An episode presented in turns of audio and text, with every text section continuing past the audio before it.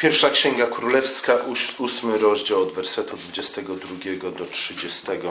Chociaż w zasadzie skoncentrują się raczej na końcówce tego fragmentu, ale o tym za chwilę. Zgodnie z obietnicą, jaką Pan Bóg dał królowi Dawidowi, jego syn Salomon zbudował świątynię w Jerozolimie. Ósmy rozdział pierwszej księgi królewskiej opisuje sprowadzenie Arki Przymierza do świątyni i poświęcenie świątyni. Wcześniej Arka, jak pamiętacie, znalazła się na górze e, Syjon, również w Jerozolimie. I tam była e, umieszczona w namiocie spotkania. Teraz znalazła się na innej górze, na górze Mordia. Wiele można było mówić na ten temat. Kiedyś, wieki całe temu, Peter, nie, e, pastor Denis Tury miał wykłady na ten temat. Nie, co się wiązało z tym przeniesieniem arki z góry Syjon na górę Moria. Nie, zwróćmy uwagę na to, jak w psalmach, nie, zwłaszcza Dawida, co nie powinno nas dziwić, Dawid mówi o wysłaniu Boga właśnie na górę Syjon. Ale o tym może przy innej okazji. Świątynia Salomona zdecydowanie przewyższała zarówno swoim rozmiarem, jak i swoją chwałą, bogactwem wszystko, co do tej pory ludzie uczynili. Nie? Na początku Abraham po prostu budował ołtarze tam, gdzie się udał. Później za Mojżesza Pan Bóg kazał zbudować e, namiot, który służył jako świątynia. E, później przez jakiś czas Arka była w niewoli. E, Dawid zbudował kolejny namiot, namiot spotkania, ale teraz za, za czasów Salomona ta świątynia swoimi rozmiarami, ale także symboliką, o czym mówiliśmy jakieś dwa lata temu, zdecydowanie przewyższała to wszystko, co było do do tej pory zbudowane. Była większa, była bogatsza. Pewne elementy tej nowej świątyni zostały przemienione, zmienione. Pamiętacie, mówiliśmy między innymi o tym, iż w świątyni, czy też e, w przybytku, który zbudował Mojżesz, była jedna duża kadź z wodą. W świątyni Salomona ta jedna duża kadź z wodą została zamieniona na co? Na 12 jeszcze większych, przeogromnych kadzi z, wo z wodą ustawionych na nieruchomych jeszcze, ale niemniej jednak wozach, które były skierowane ku wyjściu, czy też wejściu do świątyni. E, te zmiany są bardzo ważne, bardzo wiele zapowiadają, mówią na temat tego, co się zmieniło w samym funkcjonowaniu przymierza w czasach Salomona. Później czytamy w księdze Ezechiela o, o świątyni, która jest tak ogromna, iż generalnie rzecz biorąc trudno byłoby ją w ogóle zbudować. E, z tamtej świątyni wypływa rzeka. Nie? Rzeka, która płynie na południe i sprawia, że wody Morza Słonego, Morza Martwego stają się na powrót wodami słodkimi. Morze to zapełnia się życiem. Później na końcu, na końcu w Księdze Apokalipsy czytamy o tym, o Nowej Jerozolimie. Nie? Całe miasto staje się świątynią e, i stamtąd wypływają cztery rzeki. Czterech, na cztery strony świata. Kiedyś może o tym więcej jeszcze powiemy, chociaż już o tym sporo mówiliśmy. E, jest to jeden z wątków, który na pewno pojawia się w tym fragmencie w ósmym rozdziale. Świątynia staje się coraz większa. W którymś momencie nawet e, nasza uwaga przestaje skupiać się e, tak bardzo na samej arce przymierza, która, która chyba po tym fragmencie już nie pojawia się w tekście biblijnym. Później gdzieś prorok Jeremiasz wspomina o tym, że arka gdzieś po prostu zaginęła. Nie? Zaginęła i nie jest to żaden problem. Nie? To zaginięcie arki jest kolejnym znakiem tego, iż e, Bóg poszerza granice swojej świątyni, czy też swojego sanktuarium. E, wcześniej chwała, Boża skupiała się właśnie na, na Arce Przymierza, później na świątyni. Później całe miasto Jerozolima, a nawet całe, cała ziemia obiecana stają się w pewnym sensie miejscem świętym wypełnionym Bożą chwałą. I oczywiście Nowy Testament kontynuuje ten wątek, e, mówiąc o świątyni duchowej, która znajduje się wszędzie tam, gdzie dwóch albo trzech spotyka się w imieniu pańskim na nabożeństwie. Niemniej jednak, choć świątynia, którą zbudował Salomon, była ogromna, o wiele większa, o wiele bogatsza, o wiele bardziej chwalebna niż to, co do tej pory człowiek zbudował, Salomon nie miał wątpliwości co do tego, iż nawet ta świątynia, nawet świątynia o wiele większa od tej, którą on zbudował, nie byłaby w stanie objąć Pana Boga. Mówi o tym w 27 wersecie. Czy jednak naprawdę zamieszka Bóg na ziemi? Przecież niebo i niebiosa najwyższe nie mogą cię objąć, a tym, a tym mniej ta świątynia, którą zbudowałem. Bóg jest oczywiście o wiele większy niż całe stworzenie. Bóg stworzył cały świat.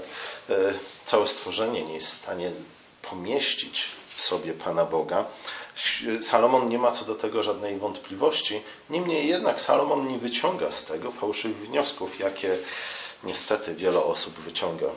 Król nie ma wątpliwości co do tego, iż choć ta świątynia jest tylko i wyłącznie namiastką tego, co znajdujemy w niebie najwyższym, jak tutaj mówi król, e, jest tylko namiastką prawdziwego domu Boga, to jednocześnie Salomon nie ma wątpliwości co, co do tego, iż Bóg związał się z tym miejscem w szczególny sposób. I dlatego też mówi w wersetach 29-30: Jest to miejsce, o którym powiedziałeś, tam będzie imię moje.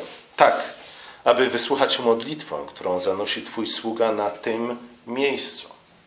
Nie? To świątynia jest, jest, jest tylko i wyłącznie namiastką niebieskiej świątyni. Salomon nie ma wątpliwości co do tego, że Bóg jest obecny na tym miejscu i co więcej, słucha modlitwę Salomona. Dlatego, mówi dalej król, wysłuchaj błaganie Twojego sługi i Twojego ludu Izraela, ilekroć modlić się będzie na tym miejscu. Ty zaś wysłuchaj w miejscu Twego przebywania w niebie. Nie? A więc z jednej strony Salomon mówi, tak ta świątynia jest tylko namiastką tej prawdziwej niebiańskiej świątyni, ale z drugiej strony nie ma wątpliwości co do tego, że Bóg związał się z tym miejscem w szczególny sposób, w taki sposób, iż modlitwy zanoszone w tym miejscu są w szczególny sposób wysłuchiwane przez Pana Boga. Nie? To nie znaczy, że Bóg nie słucha nas, kiedy modlimy się gdzie indziej, kiedy indziej. Niemniej jednak nie? Bóg wybrał szczególne miejsce, do którego ludzie musieli się udać, opuścić swoje domy. E, I w tym miejscu w szczególny sposób Bóg wysłuchiwał modlitw swojego ludu. Nie dlatego, że świątynia e, sama w sobie posiadała jakieś magiczne właściwości, ale właśnie dlatego, że Bóg przez swoje słowo w przymierzu, jakie zawarł ze swoim ludem, związał się z tą świątynią, z tym konkretnym budynkiem z kamienia, który nazwał też domem dla swojego imienia. W tym miejscu Boża chwała zamieszkiwała w szczególny sposób. Bóg był obecny w szczególny sposób. To nie znaczy, że jest nieobecny gdziekolwiek indziej. Nie?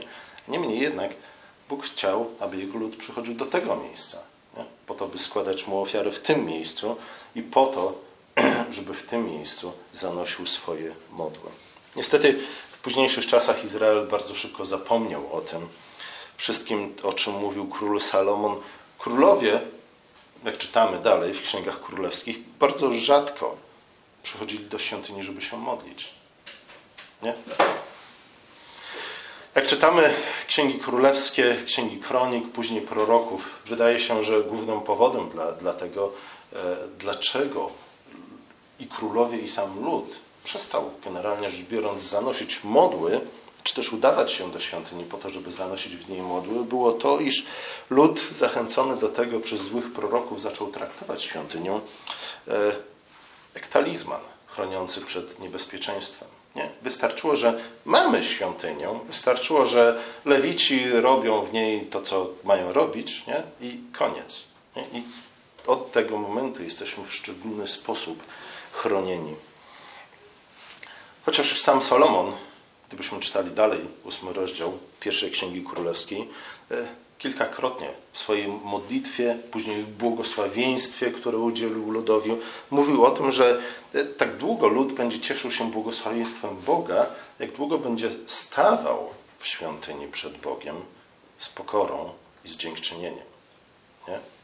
Nie dość, że nie stawał przed Bogiem z pokorą i z dziękczynieniem, e, ale generalnie rzecz biorąc, rzadko kiedykolwiek stawał przed Bogiem w świątyni. E, dość szybko zatem nastąpił rozwód, oddzielenie kultu od etyki. I to generalnie rzecz biorąc jest problem bardzo znacznej części nie tylko historii ludu Bożego, opisanego w Piśmie Świętym, ale także historii ludu Bożego opisanego w historii Kościoła. To rozwiedzenie kultu i etyki. Bardzo często popadamy w takie myślenie, iż wystarczy we właściwy sposób, e, oczywiście często dyskutujemy na temat tego, jaki to jest właściwy sposób, ale wystarczy, żebyśmy we właściwy sposób, właściwy w naszym mniemaniu, stawali przed Bogiem, oddawali Mu cześć, sprawowali nabożeństwo, nie? a już nie tak ważne jest to, jak będziemy żyć e, w ciągu tygodnia. Nie, oczywiście to jest o wiele bardziej widoczne, co nie znaczy, że bardziej obecne, ale jednak bardziej widoczne w kościołach na przykład e, na wschód od naszego kraju, nie? Kiedy, gdzie, gdzie generalnie rzecz biorąc to jest ogólne nastawienie umysłów ludzi. E, gdzie więcej jest ludzi wyznających, e, chodzących do kościoła niż wyznających wiarę w Boga. Nie? Że kult jest traktowany jako jakieś gusła, które należy odprawić po to, żeby odczynić złe, co? Licho. Albo coś w tym rodzaju. W każdym razie Izrael bardzo szybko uwierzył, że jak długo w świątyni będzie sprawowany właściwy kult, to już nie tak długo y, nie będzie zbyt istotne to, w jaki sposób Izrael postępuje. Nie? Izrael generalnie rzecz biorąc nigdy nie zaprzestał kultu w świątyni, chociaż za niektórych, w czasach niektórych królów ten kult był, nawet ten kult był zaniedbany. E, ale ogólnie rzecz biorąc, Bóg, kiedy posłał proroków do Izraela, nie tyle mówił mu, słuchajcie, zaniedbaliście moją świątynię, to też, ale nie tak często, jak to, kiedy mówił, słuchajcie, y, co z tego, że składajcie te wszystkie ofiary, nie? Jeśli wasze zachowanie na co dzień, jeśli wasze postępowanie nie, y, w żaden sposób nie koresponduje z kultem, który sprawujecie w świątyni. Ten kult w żaden sposób nie przekłada się na wasze relacje z bliźnimi. Izajasz, nie, Jeremiasz, prorok Jeremiasz w siódmym rozdziale mówi, to mówi Pan zastępów, Bóg Izraela. Poprawcie postępowanie i uczynki wasze, a pozwolę wam mieszkać w tym miejscu. Nie ufajcie słowom kłamliwym, mówiącym świątynia pańska, świątynia pańska, świątynia pańska. Nie, ale w ten sposób prorocy, fałszywi prorocy uspokajali Izrael. Mówili, słuchajcie, jak długo mamy świątynię pańską, nic nam nie grozi. Nie? Jest jak, jak taki pancerz ochronny e, rozwinięty nad nami. Żaden wróg nam nie zagrozi, dopóki mamy świątynię pańską, świątynią pańską. E, do różnych form my to często sprowadzamy, nie? tę świątynię pańską. Często wystarczy nam co? Dzieci, powiedzcie mi, co nosicie, żeby was licho nie spotkało. Łapkę zająca? Albo coś w tym stylu, nie? E, szkaplerz, inne takie rzeczy. Słuchajcie, prorok Samuel mówił, mówił o tym samym, nie? Do, do króla Saula. Mówi królu Saulu, y, posłuszeństwo ważniejsze jest niż ofiara. Nie? Posłuszeństwo ważniejsze jest niż ofiara. Na ten sam problem zwracał uwagę również Jezus, kiedy krytykował on na przykład stosunek faryzeuszy do dziesięciny. Nie? nie tyle krytykował ich za to, że składają dziesięcinę, nie przyszedł do nich i mówi, oj faryzeusze, faryzeusze, ale z was głuptaski składacie dziesięcinę, a w ogóle nie musicie jej składać. Nie, nie powiedział czegoś takiego. Powiedział raczej, bardzo dobrze, że jesteście tak skrupulatni w wyliczaniu waszej dziesięciny, e, a jednak ta wasza skrupulatność w wyliczaniu i odkładaniu i przekazywaniu dziesięciny do świątyni w żaden sposób nie przekłada się na miłość bliźniego. Nie? A przecież w dziesięcinie chodzi przede wszystkim o to. Nie? Dziesięcina jest wezwaniem do tego, abyśmy miłowali naszego bliźniego. Podobnie też Herodowie chcieli okazać swoją pobożność, budując nową świątynię, jeszcze piękniejszą, jeszcze większą, jeszcze bogatszą, jeszcze świetniejszą niż świątynia Salomona. A jednak w żaden sposób nie przeszkadzało im to w łamaniu e, w sposób bardzo jawny, wręcz nawet ohydny i obrzydliwy przykazań pańskich. Nie? Bardzo łatwo popadamy w ten, w to, w to rozdwojenie, w ten dualizm, gdzie kiedy z jednej strony wydaje nam się, że czyniąc pewne rzeczy, jesteśmy zwolnieni niejako z posłuszeństwa przykazaniom Bożym. Zarówno fakt, że całe stworzenie nie jest w stanie objąć Boga w żadnej świątyni, w żadnym budynku zbudowanym przez człowieka, jak i to, że kult rozwiedziony z etyką jest obrzydliwością dla Pana. E, te dwie przesłanki popchnęły wielu chrześcijan do stwierdzenia, że, że w takim razie wiarę należy sprowadzić do czego?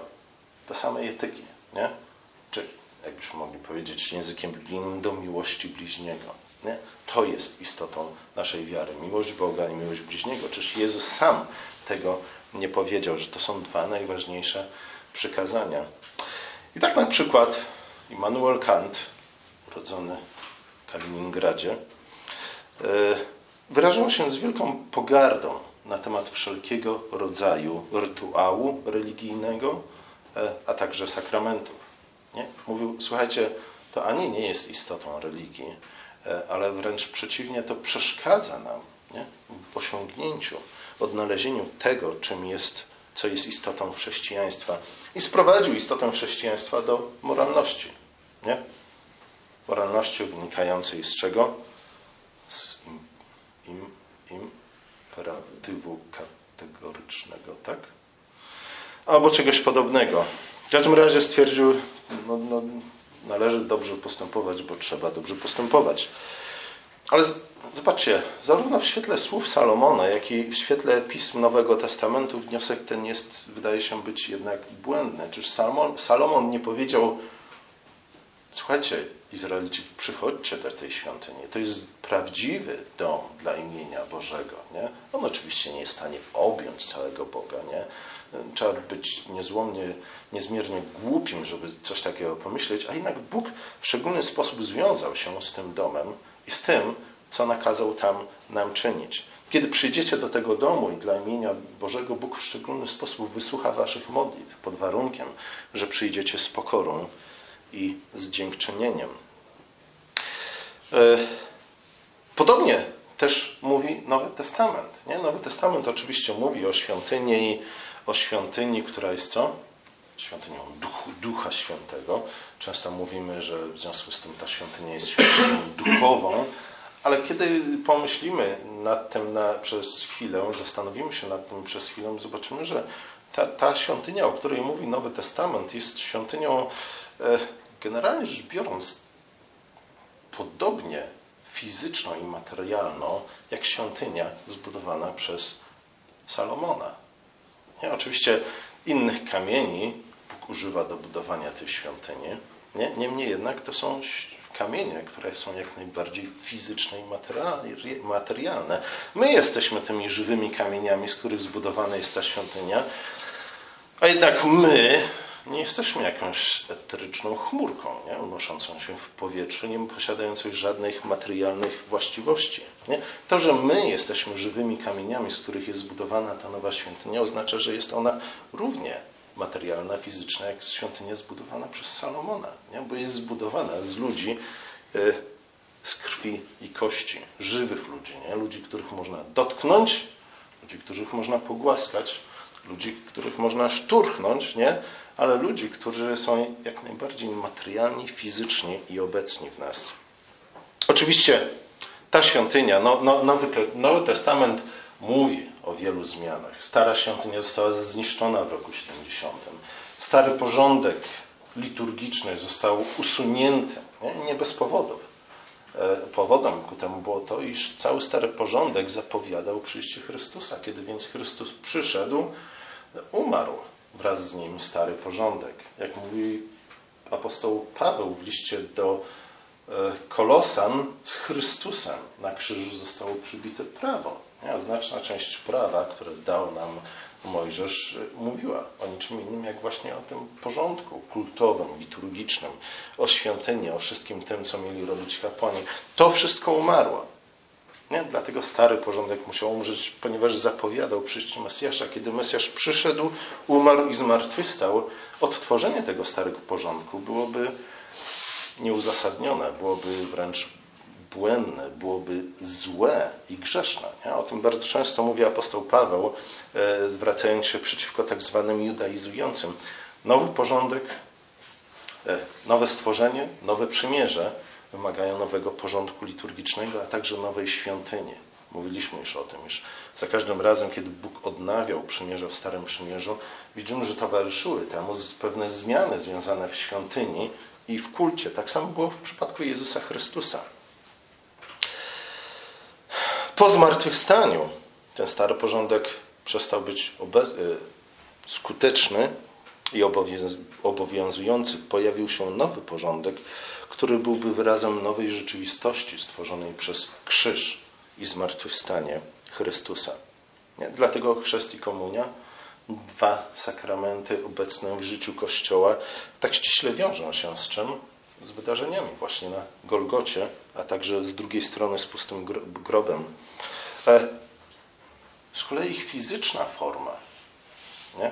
to wciąż jest fizyczna forma. Ich fizyczna forma przypomina nam między innymi o tym, iż Chrystus przyszedł, by zbawić nie tylko nasze dusze, ale także nasze ciała.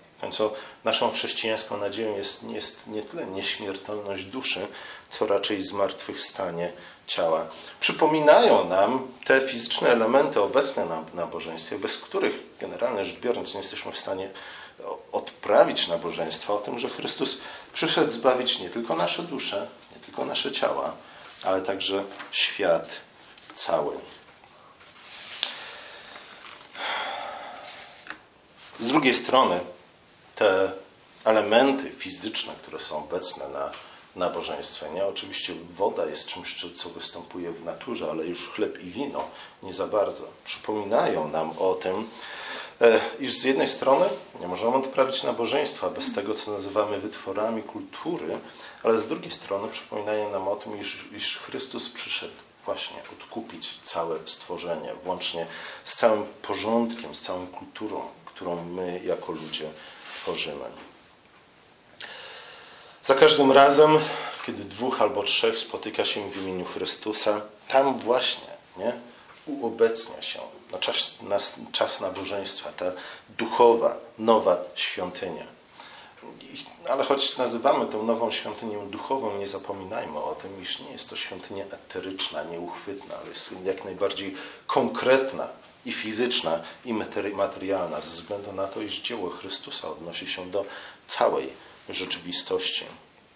Z drugiej strony, e, wszystkie te miejsca, na których spotyka się dwóch albo trzech w imieniu Chrystusa, po to, aby oddać Mu cześć w szczególny sposób, po to, aby odnowić przymierze, którym Chrystus związał się z nami, wszystkie te miejsca razem nie, tworzą także tę nową świątynię.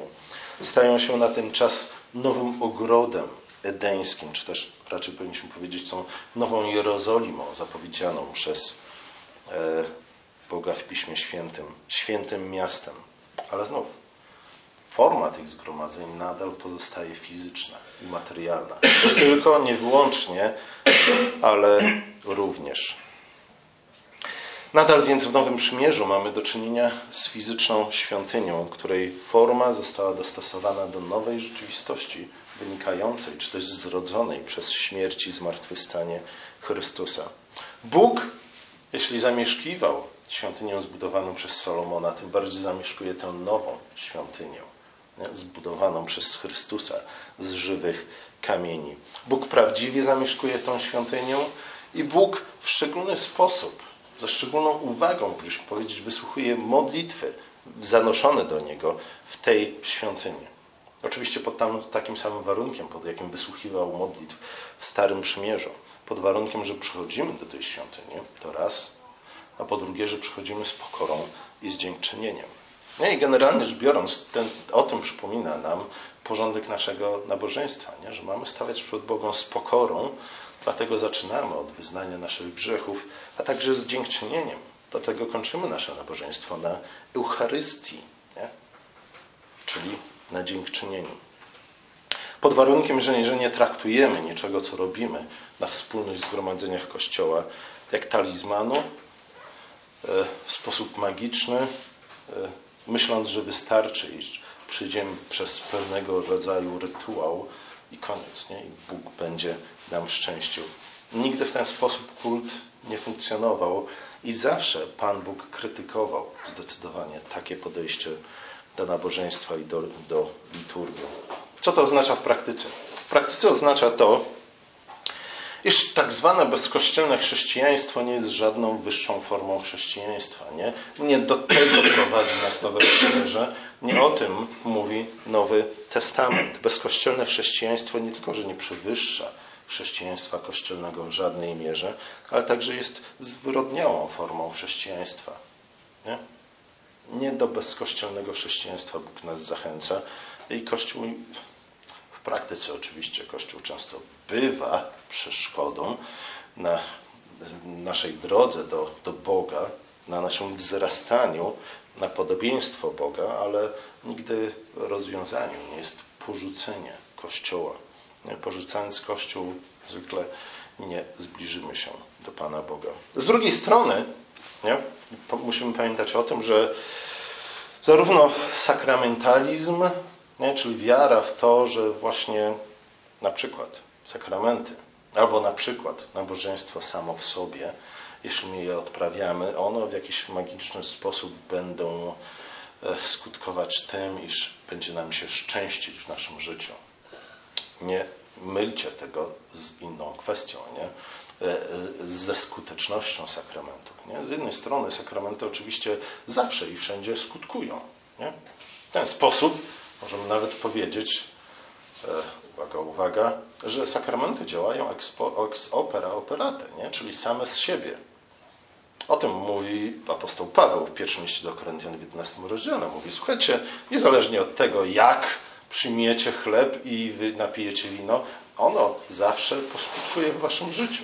Nie? Problem tylko taki, że jeśli przyjmuje, przyjmiemy je w zły sposób, przyniosą przekleństwo zamiast błogosławieństwa. Więc oczywiście sakramenty zawsze są skuteczne. Nie zawsze jednak w sposób automatyczny przez same ich odprawianie niosą z sobą błogosławieństwo. Nie? Jeśli będziemy je odprawiać, jeśli będziemy przystępować do stołu pańskiego e, z nienawiścią do naszych bliźnich w naszym sercu, skutek będzie odwrotny od zamierzonego. E, z drugiej strony musimy pamiętać o tym, iż kościelnictwo, nie? czym jest kościelnictwo? Kościelnictwo jest wiarą w to, że Kościół jest tak naprawdę wszystkim. Kościół rozumiany jako organizacja, nie? raczej niż wszyscy wyznawcy Chrystusa, niż ciało Chrystusa, że Kościół rozumiany jako organizacja jest wszystkim. Nie? Powinien zastąpić wszystkie pozostałe instytucje E, w naszym życiu, e, albo przynajmniej powinien kierować wszystkie pozostałe, wszystkimi pozostałymi instytucjami. Nie? Kościelnictwo, które nie widzi, iż e, jest dość znacząca różnica nie? pomiędzy Kościołem jako instytucją, a rodziną jako instytucją, czy też państwem nawet jako instytucją. Nie? W każdym razie zarówno sakramentalizm, jak i kościelnictwo rozwiedzione, czy to ze Słowem Bożym, E, czy też z etyką są pustą formą, pozbawioną treści. Chociaż nie. Gdyby były pustą formą, pozbawioną treści, to jeszcze byłoby to pół biedy. Nie? Wtedy takie bezmyślne gromadzenie się na nabożeństwie oznaczałoby tylko i wyłącznie stratę czasu. Nie?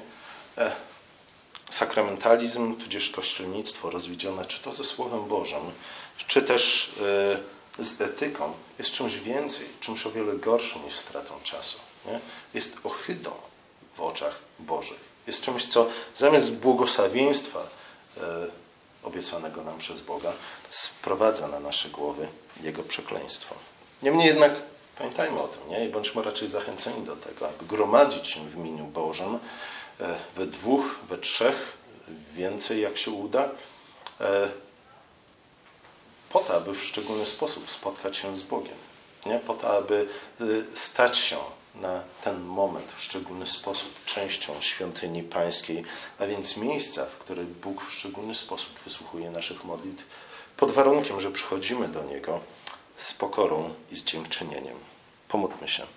Nasz drogi łaskawy Ojcze, dziękujemy Ci za te słowa króla Salomona, w których przypomniał nam o tym, iż Ty prawdziwie y, jesteś obecny pośród nas i w szczególny sposób jesteś obecny pośród nas, gdy gromadzimy się w Twoim imieniu na nabożeństwie. Dziękujemy Ci za to, że Ty wysłuchujesz naszych modlitw i odpowiadasz na nie. Dziękujemy Ci za to, że Ty jesteś e, chętny i gotów, aby błogosławić nam zawsze i we wszystkim. Prosimy Cię o to, abyś Ty napełniał nasze serca pokorą i dziękczynieniem, aby nasze spotkania z Tobą były, skutkowały błogosławieństwem nie tylko dla nas, ale także dla całego świata. Amen.